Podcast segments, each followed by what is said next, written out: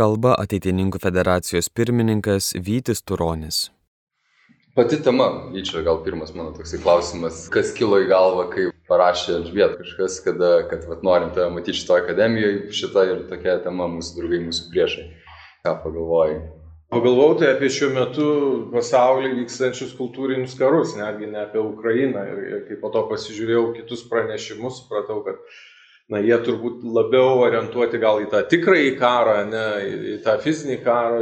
Bet manau, kad šiandien krikščionys daug dažniau kovoja dvasinės kovas viena vertus ir ar jie žino, kad kovoja ar nežino, čia jau jų problema yra. Ir kartu politinėje erdvėje, kultūrinėje erdvėje vyksta daug nuolatinių kovų, tai, tai man pirmiausia šitą temą apie tai. Mhm.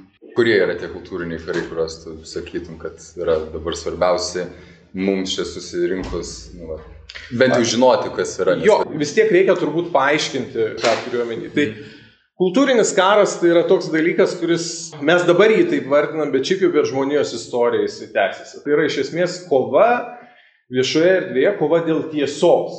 Kas yra tiesa ir dėl teisės ta tiesa vadovautis. Universitetai vakarų civilizacijų sukurti kaip ar susikūrė kaip ta vieta, kur tiesa turėtų būti randama, debatuojama dėl to, kas yra tiesa ir panašiai šiandien yra tapę ideologijų įkaitais ir labai dažnai tu universitete studijuodamas net negali realiai prisibrauti prie esminių kultūrinių, civilizacinių ir netgi profesinių klausimų.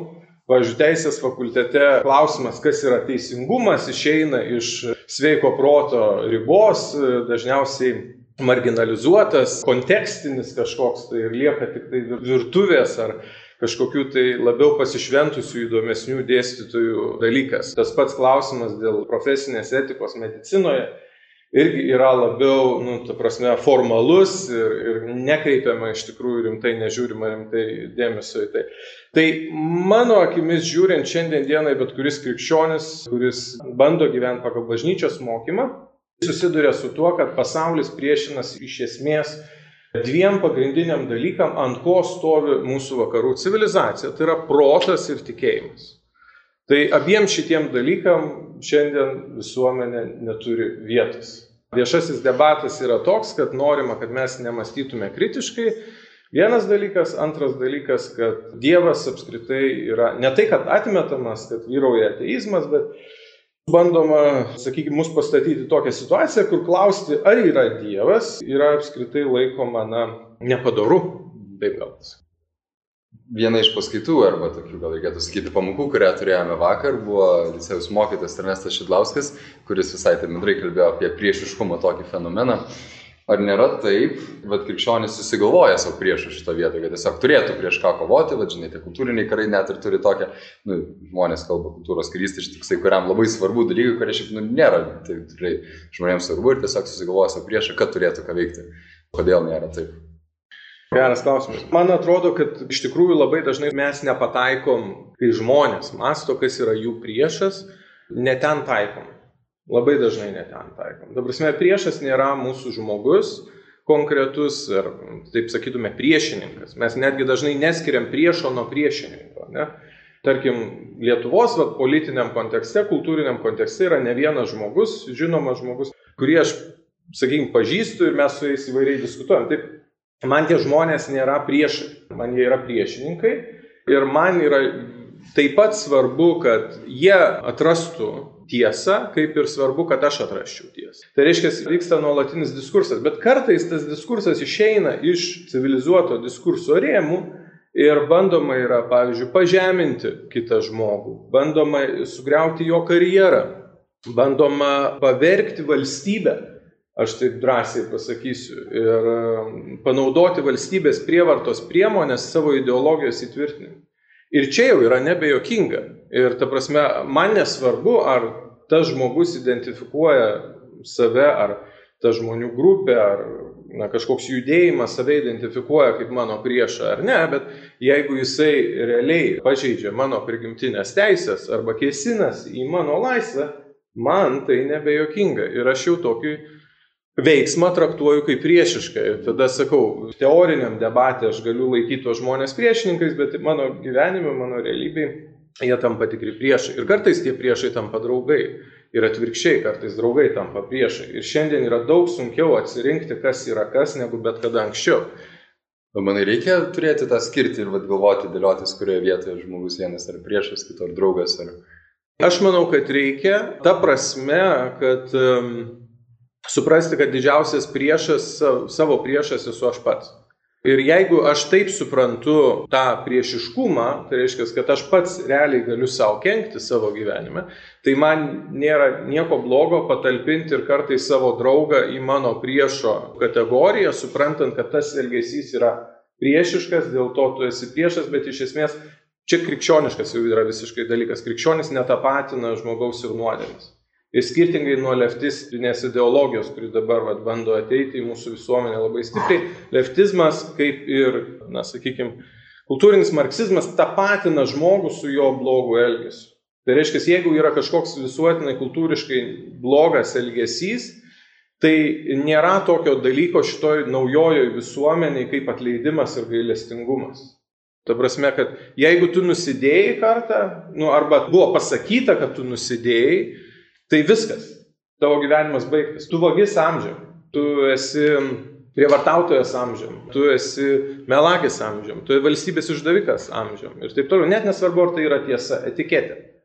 Šiuo atveju tas patalpinimas savęs vienu momentu į tą poziciją ir pasakymas gerai, bet aš pats veikiu prieš save, aš pats esu šiandien savo priešas, jeigu aš, pavyzdžiui, nusidedu, ne? Nuodėmė yra labai platus konceptas, bet labai aiškus. Ne? Tai yra kažkas, kas man nepadeda būti tuo, kuo aš turėčiau būti. Ir būti laimingu pirmiausia. Ne? Tai jeigu aš kenkiu prieš savo interesą, aš esu savo priešas šiuo atveju. Tai vad, kuriuo atveju priešininkas tampa priešu, tada kada yra kažkokia priešprieša ir jūs tiesiog norit išsiaiškinti tiesą ir tada priešas jau aktyviai bando tą paneigti. Prie, prie, priešininkas tampa priešu tada, kai jis nebenori man gero. Jeigu mano priešininkas nebenori man gero, jis yra mano priešas. Krepšinėje, tarkim, tavo priešininkas nori tau gero, kai... Taip, tarsi jis nori laimėti, ne, tai įdėdamas maksimalias pastangas laimėti žaidimą, jis mane daro geresniu žaidėju. Ir reiškia, tikslas žaidimo yra tas, kad laimėtų geriausias ir žmonės turėtų geriausią žaidimą. Tiek patys dalyviai, tiek žiūrovai. Tai reiškia, kad kol mes žaidžiam pagal taisyklės, tai tie žmonės yra mano priešininkai. Bet jeigu jie pradėtų mane žaloti, kodėl yra baudos, kodėl yra neleistini veiksmai ir taip toliau, dėl to, kad tai padaro žaidimą nebe gražų. Ir mes nebegalim, nebegalim pasiekti to tikslo, kurio siekiam tuo žaidimu. Kuris žaidimas, kuris gal žaidimo erdvė dabar, sakytum, yra svarbiausia tose kultūrinėse karuose, nu, tu kaip teisininkas, kad paminėjai teisės fakultetą, mm. visa kita, nežinau, ar tavo žvilgsnį lanksta, bet nu, šitą auditoriją daug yra įvairių žmonių, tai kas nežinau. manytum yra. Man reikia fakultetą įvardinti. Ne, ne fakultetą, nu, nežinau, sritį kokią nors, bet tą, bet mūšį gal. Ne, aš sakyčiau, bendra koncepcija. Dvi linijos labai svarbios. Tai yra tiesa kaip tikslas žmogaus gyvenimo, reiškia, kad žmogus trokšta tiesos ir žmonės turi vadovautis tiesa savo santykiuose. Kitas dalykas yra protas, tai reiškia, kad mes vadovaujamės protu, net ne tik tikėjimu. Ir kitas dalykas yra tikėjimas, nes pasižiūrėkite, ką išvirto mūsų proto institucijos atmetusios tikėjimus. Tai yra tam tikra harmonija, tai yra tas, kas, ką sukūrė vakarų civilizacija, tai už ką ateitininkė kovoja. Tai yra, kad mes galėtume būti pilnutinai žmonės ir pasiekti tą savo prigimties tikslą, į kurį esam nukreipti pas mūsų šitos diskusijos pavadinimas į ateitininkus yra referuoja, bet prie to dar prieisim, nes vienas atvirai klausimus su auditorijos, kuo ateitininkė yra pranašesnė organizacija už kitas panašaus pobūdžio. Na, neturi konkurentų. Visos šitos kitos išvardintos organizacijos nėra konkurentai ateitininkijai. Nes tai, ko siekia ateitininkė, yra daug plačiau negu nu, kažkoks tai popamokinis ten laiko praleidimas, miške gebėjimas išgyventi, galėjimas per dieną atlikti tris darbus ar gebėjimas apginti savo tevinę. Mes iš tikrųjų siekiam iš esmės kultūrinio pokyčio Lietuvos, tai yra siekiam krikščioniškos Lietuvos, čia nereikia slėpti, mes norėtume, kad visi būtų krikščionis. Geriausiu atveju katalikai, nu, bet ką padarysi, gali, visada bus žydų ir mes juos labai mylim, iš tikrųjų, nes mūsų tikėjimo, reiškia, šaltinis iš ir Jėzus, ne žydas buvo ir liko. Ir, ir dėl to yra labai svarbu mums šiandien pasakyti, kad tai yra ne tik seniausia organizacija katalikiška Lietuvoje, bet tai yra intelektualiausia, galbūt galima pasakyti, ir tai yra iš esmės ta organizacija, kuri turi ambiciją iš tikrųjų suvienyti visus katalikus pasauliečius dėl bendro darbo. Katalikų akcija Lietuvoje dar prieš antrą Vatikaną jinai įgyjo būtent ateitininkijos formą. Tai yra mūsų įkūrėjai organizacijos, jie dar prieš didžiuosius pokyčius pačioje bažnyčioje suprato reikšmę pasauliečių dalyvavimo valstybės gyvenime labai stipriai sujungto su jų tikėjimu. Ir šiandien dienai mes turim kaip tik kitą tendenciją bažnyčiai, kur yra sakoma, kad reikia palaikyti na, viską, ką valstybė, na, sakykime, kultūriškai atneša į mūsų gyvenimus ir kad mūsų tikėjimas turi likti mūsų privačioj sferoje. Tai šiuo atveju sovietai dar buvo kai kuriais atžvilgiais palankesni krikščionybei negu dabar ateinanti ideologija. Sakai, kad konkurentų neturi, o priešų? Ne, be abejonės priešų irgi neturi, turi daugybę priešininkų. Tai aš nemanau, kad šiandien dieną ateitininkė yra išskleidusi savo potencialą taip plačiai, kad jinai turėtų priešų. Bet atskiri asmenys ateitininkijoje tikrai yra. Ir aš čia vis kars nuo karto prisimenu, gal kai kurie vyresni atsimenat, buvo tokia Seimo narė Aušrinė Marija Paviljonė, buvo rektoriaus Vilniaus universiteto žmona. Rektoriaus, kuris užkabino prie vieno iš centrinio įėjimo į Vilniaus universitetą užrašą citatą iš Luko Evangelijos, jinai šiuo atveju labai stipriai kovojo prieš krikščionybę savo gyvenime ir baigdama savo karjerą, jinai Delfi po vienu straipsniu paliko komentarą ir iš kur žinau, kad tikrai jinai, nes tai buvo registruotas vartotojas, patvirtintas ten su nuotrauka ir taip toliau. Ir jinai ten parašė apie Vygantą Malinauską, kuris dabar buvęs pirmininkas, ateitininkų tarybos pirmininkas ir pasakė, kad Vygantas Malinauskas yra šliaužiantis blogis. Taip, ir jis daugybę metų trukdo visam progresyvui ateiti į Lietuvą ir taip toliau. Šiaip tai ten citatos tikslios neatsimenu, bet sakiau, Vygantui, kad nors marškinėlius padarysiu. Gaila, buvo 50 metų jo nepadariau, bet kai bus jam 60 metų su šitu užrašu iškarpa tikrai padarysiu. Mm. Žiūriu į daugybę žmonių, kurie tai neša, jie yra suklaidinti. Ir, ir aš tikiuosi, kad jeigu jie nepritarė tam, ką mes sakom, jie irgi taip pat nori gero mum, o nesiekia mūsų sunaikinti. Deja, yra daugybė įrodymų, kad taip nėra. Tai čia dėl to man truputį neramu.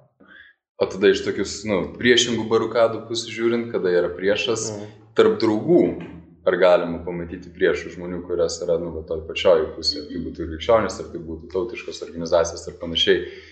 Ar yra priešiškumo toje vietoje, ar ateitininkai vos nėra dėl to kalti, ar, ar kaip galima kitaip tada tą dalyką pradėti gerinti, kad nekovotume vieni su kitais tose pačiose pusėse.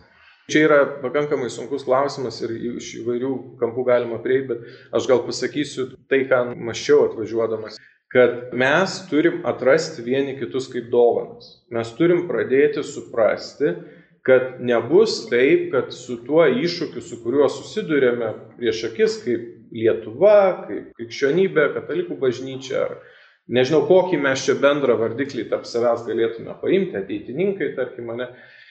Tai mes nelaimėsim vieni.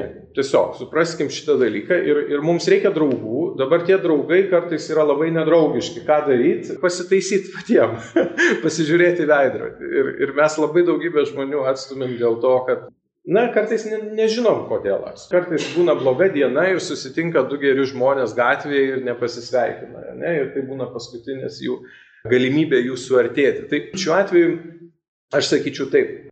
Pirmiausiai atleiskim savo, pasižiūrėkim į save gailestingom akim. Užauginkim tikrai tikrą gailestingumą savo, savo veiksmams, savo žodžiam, priimkim Dievo atleidimą už visą tai, ką mes blogo padarėm ir pabandykim eiti į priekį link tų žmonių, mūsų draugų, su gera valia ir pasakymu, atsiprašau. Anksčiau aš gal neradau tinkamų žodžių su tavim kalbėtis apie tai, kas mums abiems svarbu, ar mes galim pabandyti iš naujo. Manai, kad atleidimas ir staikymas kaip Šiaip krikščionybės pamatas. Aš manau, ir tai yra pradžia, nuo ko reikia pradėti. Bet tai nereiškia, kad tai bus sėkminga. Nes, kaip aš ir sakiau, dabartinė ideologija yra taip įsiskverbus į daugelį netgi katalikų e, pasąmonę, kad atleidimas nebeegzistuoja kaip reiškinys. Nu, va, iš šono žiūrint, va tas toksai yra įvairių mitų ir čia vienas iš klausimų, arba tokių bent jau stereotipų apie ateitininkus. Ir vienas jų, nu, va, kaip pasakai, kad intelektualiausia sąjunga Lietuvoje. Gal ir tiesa, aš tavasi įsivaizduoju, kad skamba visai ir, ir taip pasikėlusiai. Ar tai yra, nu, bet vos ne Tai tas klausimas yra, kokie yra tie mitai, ar tai yra, nu, visai kaip tu pagrįstum tai ir kaip apgintum. Gal tas kitas klausimas, ar vat tokie mitai irgi nėra priežastis, dėl ko būna sunku sudaryti sąjungas tarp draugų. Aš manau, kad yra didelė problema, nes žmonės nesupranta, kas yra ateitininkija. Kadangi ateitininkija yra labai didelė ir jinai nėra žmonės. Prasme, va čia yra sunku suprasti, kad organizacija ar judėjimas nėra žmonės. Tai yra idėja. Jeigu tu visus savo gyvenimu išpildai ateitininkų principus, tai kuo tu neteitininkas? Ir aš labai dažnai šitą pasakau, mes skiriam ateitininkijoje ir čia disclaimeris, aš skirtingai nei mūsų vienas iš pagrindinių ideologų, Stasys Šalkauskis, jisai sakė, kad kada prasidėjo ateitininkija, buvo toks didelis sąjūdis Lietuvoje, kuris po to įsiliejo nu, pilnai į organizaciją. Ir kada atsiranda kaip ateitininkų organizacija, sąjūdis nuslūksta ir, ir jo natūraliai nelieka. Mano galva čia yra klaida. Kodėl? Dėl to, kad jeigu organizacija nedirba dėl sąjūdžio plėtros, tai tada jinai išnyksta. Ir mes tą turim problemą. Dabar ateitininkų tikslas nėra, kad visi taptų ateitininkais. Ateitininkų tikslas yra, kad visi gyventų pagal penkis ateitininkų principus. Ir tai yra pagrindas. Ir iš tikrųjų dėl ko vat, ateitininkai daro renginius ir kviečia neteitininkus ir dalyvaukit ir kartu eikim šitą kelionę, Tai dėl to, kad visi tapsim nuo to stipresni. Įdomu, aš nežinau, kiek jūs esate įsigilinę į tikėjimą, bet kodėl nėra įtampos tarp žydų ir katalikų, pavyzdžiui, kai vyksta, va, nu, tie patys kultūriniai karai ir panašiai, bet aš kalbu apie ortodoksinius, ne žydus, ne, ne liberalius. Tai dėl to, kad judaizmas nėra evangelinė, kaip mes suprastume, arba, sakykime, tokia išeinanti į pasaulį religija, kuris siekia atversti kitus. Pagal žydų tikėjimą tu gali būti išganytas nebūdama žydų. Jeigu nebūtų žydų tikėjimo šito supratimo, katalikai mes būtume pražuvę. Vienintelė viltis mums yra žydų tikėjai, Dieve, nu ta prasme, ne? Ir šiuo atveju, dėl ko mes jame turime viltį ir jinai yra pagrįsta pagal žydų tikėjimą, tai yra dėl to, kad mums užtenka laikytis dešimt Dievo įsakymų. Bet ar mes jų laikomės? Ir čia sakau, dabar ko mes norim ir ko ateitininkė siekia ir ko turėtų bažnyčia Lietuvoje ir kiekvienas katalikas siekia, kad Lietuvo žmonės gyventų pagal dešimt Dievo įsakymų. Vėlgi, kultūrinių karų kontekstas. Čia buvo Black Lives Matter didelis judėjimas Amerikoje, siaubė miestus ir taip toliau. Ir žmonės ir, ir buvo tokie šūkiai, kad nustokim finansuoti policiją. Ir vienas žydas, intelektualas, toks Dennis Prager, labai gerai pasakė, sako, jo, norit šito pasiekti, yra vienintelis būdas. Laikykitės dešimt Dievo įsakymų. Laikysitės dešimt Dievo įsakymų, nereikės policijos. Tai žmogus yra va toks, ne? Žmogus, žmogus yra savo problema, žmogus yra savo priešas, kada nesilaiko dešimt Dievo įsakymų. Ir ateitininkė yra savo priešai, kada nesilaiko savo penkių principų, kada nesilaiko savo ideologijos, kada, reiškia, iš savęs daro kažką, ko nėra. Aš turiu nuolankiai pripažinti, kad šiandien dienai tai, į ką ateitininkė pašaukta, ar kuo turi būti, jinai dar nėra tuo tapusi. Tai bet ateikit, prisijungit, žinai, kai tu pasakysi, žinai, aš esu ateitininkas, ateitininkė bus labiau tuo, kuo jinai turi būti, negu dabar, kai tu nesi. Nes kol kas vat, populiariausias klausimas yra, kokias išvelgėte ateitininkijos silpnybės. Gal dar kažkokių yra dalykų, kuriuos galima būtų paliesti bendrai? Taip, tai iš esmės problemos yra kelios. Ir, ir ta prasme, ir čia, aš nežinau, laikos bėga labai negailestingai. Mes esame tie patys žmonės toje pačioje tautoje su kitais žmonėmis ir mes esame išgyvenę daugybę problemų, sakykime, traumų, istorinių patirčių ir taip toliau. Tai mes esame savo tėvų sūnus ir dukteris. Pirmiausiai tai reikia pasakyti. Ne? Ir tai reiškia, kad mes negimėme šiaip į tuščią lapą, mes gimėm į kultūrą. Ir kultūros problemos tapo mūsų problemomis. Ir dėl to iššūkis yra koks, kad, nu, pavyzdžiui, sovietmetis tikrai jau čia daug kartų yra, jisai ir į vieną, ir į kitą pusę rodomas, bet, bet tai yra tikra mūsų problema, tautos problema. Mes neišsivadavom iš vergo mentalitetu. Mes netapom laisvais, mes netapom, neprisėmėm atsakomybės už savo gyvenimą, už savo šalį. Net ir jaunoji karta praėjus va, 30 daugiau metų nepriklausomybės, mes vis dar galvojam, kad valdžia mums turi kažką tai duoti. Taip yra. Mes su džiaugsmu priimam, pavyzdžiui, valstybės garantuojamą švietimą, ne, mes nemokam už aukštąjį mokslą, už, už nieką nemokam, ne už sveikatos apsaugimą. Ir mes gyvename, atrodo, kad tai yra normalu. Mes pamirštam vieną dalyką, kad už tai kažkas sumoka. Kas sumoka? Mokesčių mokėtojai. Tai mes sumokam. Tai gerai, mes sumokam, bet kaip mes elgiamės visumoje. Rinkimai Lietuvoje 50 procentų dalyvaujančių yra čia wow, wow, wow dažniausiai renka valdžią mažiau nei 50 procentų, iš tų mažiau nei 50 procentų renkančių balsuoja dar mažiau ir taip toliau. Kiek mes gyvenam, kiek mes realiai įsitraukiam į valdymo procesus, kiek žmonės bijo pasakyti kažką, tai labai daug. Ir visas šitas dalykas, jisai, aš kalbu taip plačiai, bet tai ateina į ateitininkiją. Žmonės, kurie yra ateitininkai, nesuvokia, kokie jie yra paveldėtojai kokių turtų. Aš kalbu ir apie dvasinius, ir apie fizinius turtus. Aš kažkada skaičiavau ir, ir man vienas ateitininkas, kai aš jam pasakiau, sakė, Vyti, nesakyk šito niekam. Ir aš galvoju, aš būtinai tai pasakysiu. Reiškia, šiandien dienai, jeigu manęs paklaustų, kiek yra ateitininkų, tai aš negalėčiau pasakyti. Mes nesusiskaičiuojam. Tai yra mūsų problema. Bet mes daug maž žinom, kiek yra aktyvių ateitininkų daug maž tai yra paklaida šimtais, bet tarkim, kai aš skaičiavau tokį paskutinį realų skaičių, daug maž, kiek yra ateitininkų. Ir kiek turto priklauso ateitininkam, aš paskaičiavau, kad vienas ateitininkas priima sprendimus balsuodamas suvažiavime už maždaug 20 tūkstančių eurų. Tai čia tiek federacija turi turto. Ir vad prieš pusę metų, prieš metus man federacija patikėjo vat valdyti šitus milijonus. Ir jie net nežino to, kad man patikėjo. Ir aš dabar galiu daryti, ką noriu su šitais pinigais. Neblogai, ne? Čia, čia. Tai, tai čia minus, čia yra minusas. Čia minusas. Nes, nes šitie žmonės, va dabar čia yra nustebę žmonės, yra truputėlį kai kurie. Ir taip ir yra, ir mėlyjeji šitų, ir tai būtų buvę daug daugiau šitų pinigų, jeigu mes būtume laiku supratę, kiek mes turim ir jų neišvaistę. Nes dabar dalis to, ką aš kalbu, tas tūkstančius, čia yra baika, čia visi supranta, ne, bet iš tikrųjų tai potencialas, kurį turi susitelkę katalikai keisti Lietuvą, yra milžiniškas. Kad pradėti kažką nuo nulio reikia stebuklo, to greičiausiai nebus, bet mes turim nuostabiai važiuojantį traukinį, galingą seną, tarp karinį traukinį. Iš esmės problema yra ta, kad žmonės nedalyvauja. Jie net neša savęs kaip dovanos, tai yra didžiausia problema. Ir tada iš esmės žmonės, kaip čia pasakyti, gyvena rūmuose, savo rūmuose, kaip našlaičiai. Tai va, ateitininkai šiandien gyvena, jeigu organizaciją pavadinti, nuostabiuose, aukšto lygio, dvasiniuose ir visokiuose kitokiuose rūmuose intelektualiniuose, kaip našlaičiai.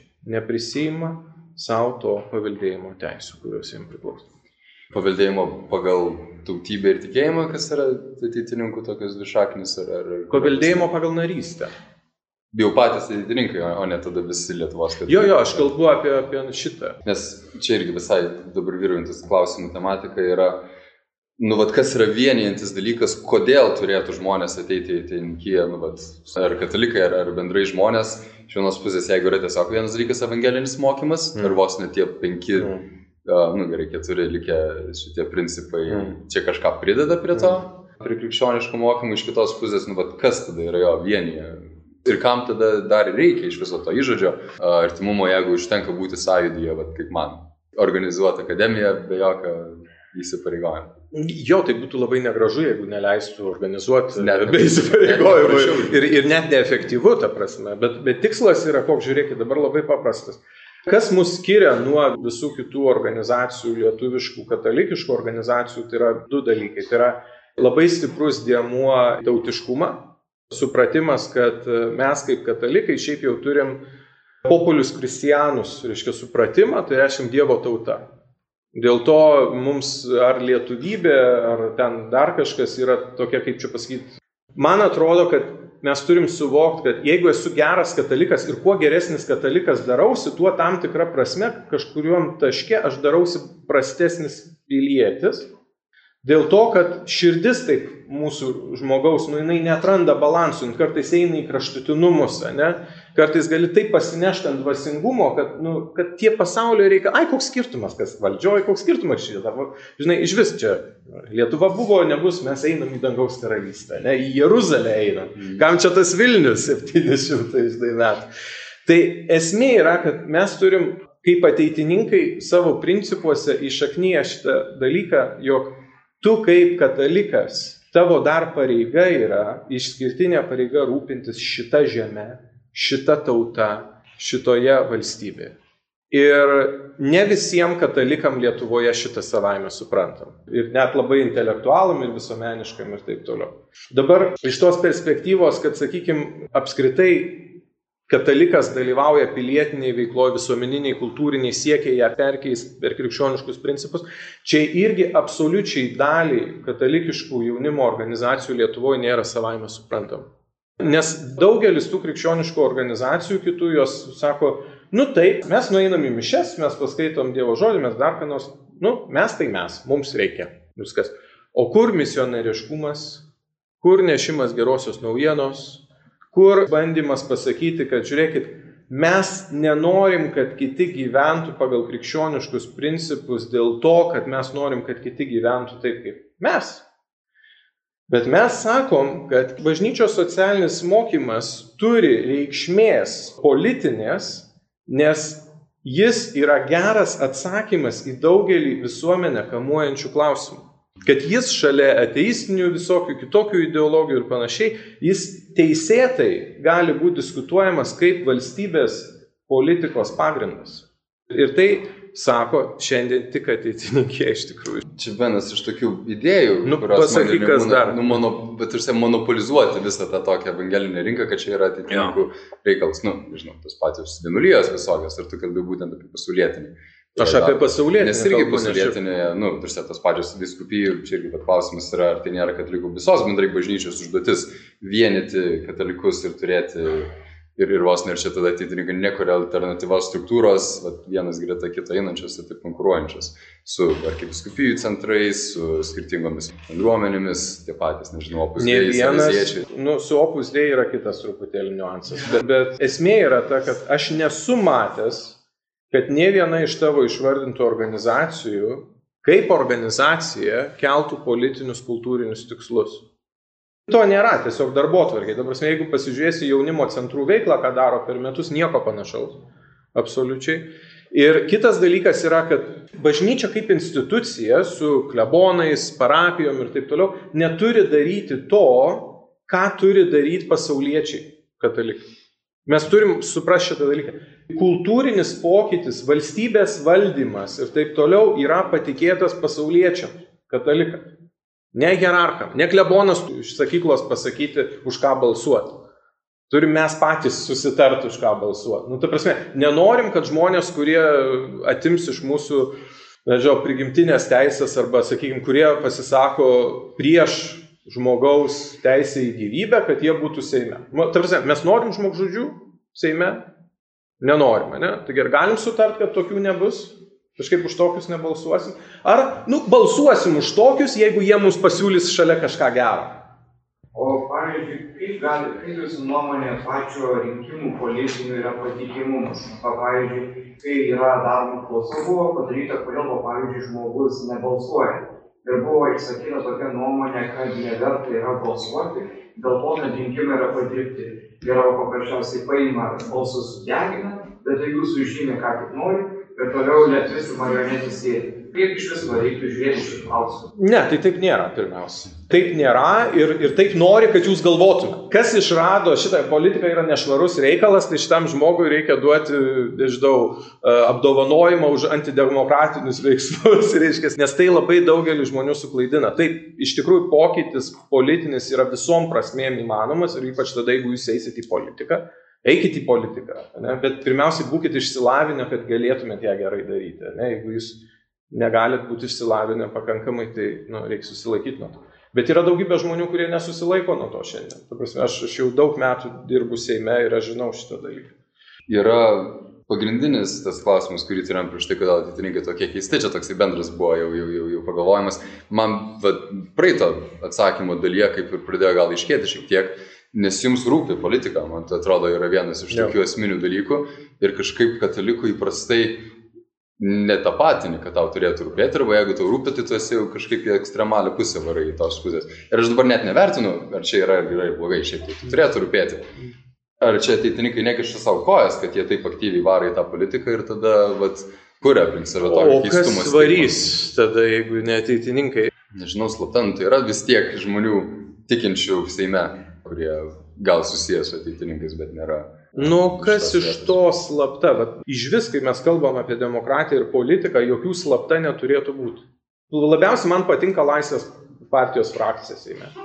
Prasme, tai yra pirma partija per nepriklausomybės laikotarpį, kuri daro tai, ką sako. Prasme, tai yra visiškai mano politiniai oponentai, neturiu nieko bendro vertybiškai su jais. Manau, kad nieko bendro. Bet iš tikrųjų tie žmonės, jie yra dideliai pagarboj pas mane. Yra aukščiausio lygio politikai. Tokie turėtų būti politikai. Mūsų problema yra ta, kad mūsų pusėje beveik nėra tokių politikų. Ir mes turim viską daryti, kad kultūriškai visuomenė taip pasikeistų, kad jinai tą pamatytų, kad jinai tą suprastų, nes šiandien nemato, šiandien yra tokių angažuotų ateitininkų, kurie savo gyvybę atiduotų už krikščionių demokratų, iškia tą TSLKD partiją. Aš pats savo laiku, kai skaičiau valstybę, atsimenu, žurnalas, ideologinis žurnalas, kurio neslėpia, reiškia, Eigirdas redaktorius, kad yra specialiai sukurtas ideologiškai formuoti, reiškia, rinkėją ir partijos narį tam. Kai aš skaičiau jį, aš irgi buvau, nu, kaip čia pasakyti, labai pasinešęs ir dirbau su tą partiją nemažai laiko. Bet problema yra ta, kad, žinot, per baimę mus įtikina, kad nėra alternatyvos bando parodyti, čia yra blogai, bet visa kita yra dar blogiau. Ir tada jau tu net nedrįsti iš to, kurį renki, reikalauti, kad o gal tu galėtum, bet, nu, nebalsuoti už kūdikių žudimą. Nu, toks smulkmena, žinai. Tai labai dėkoju.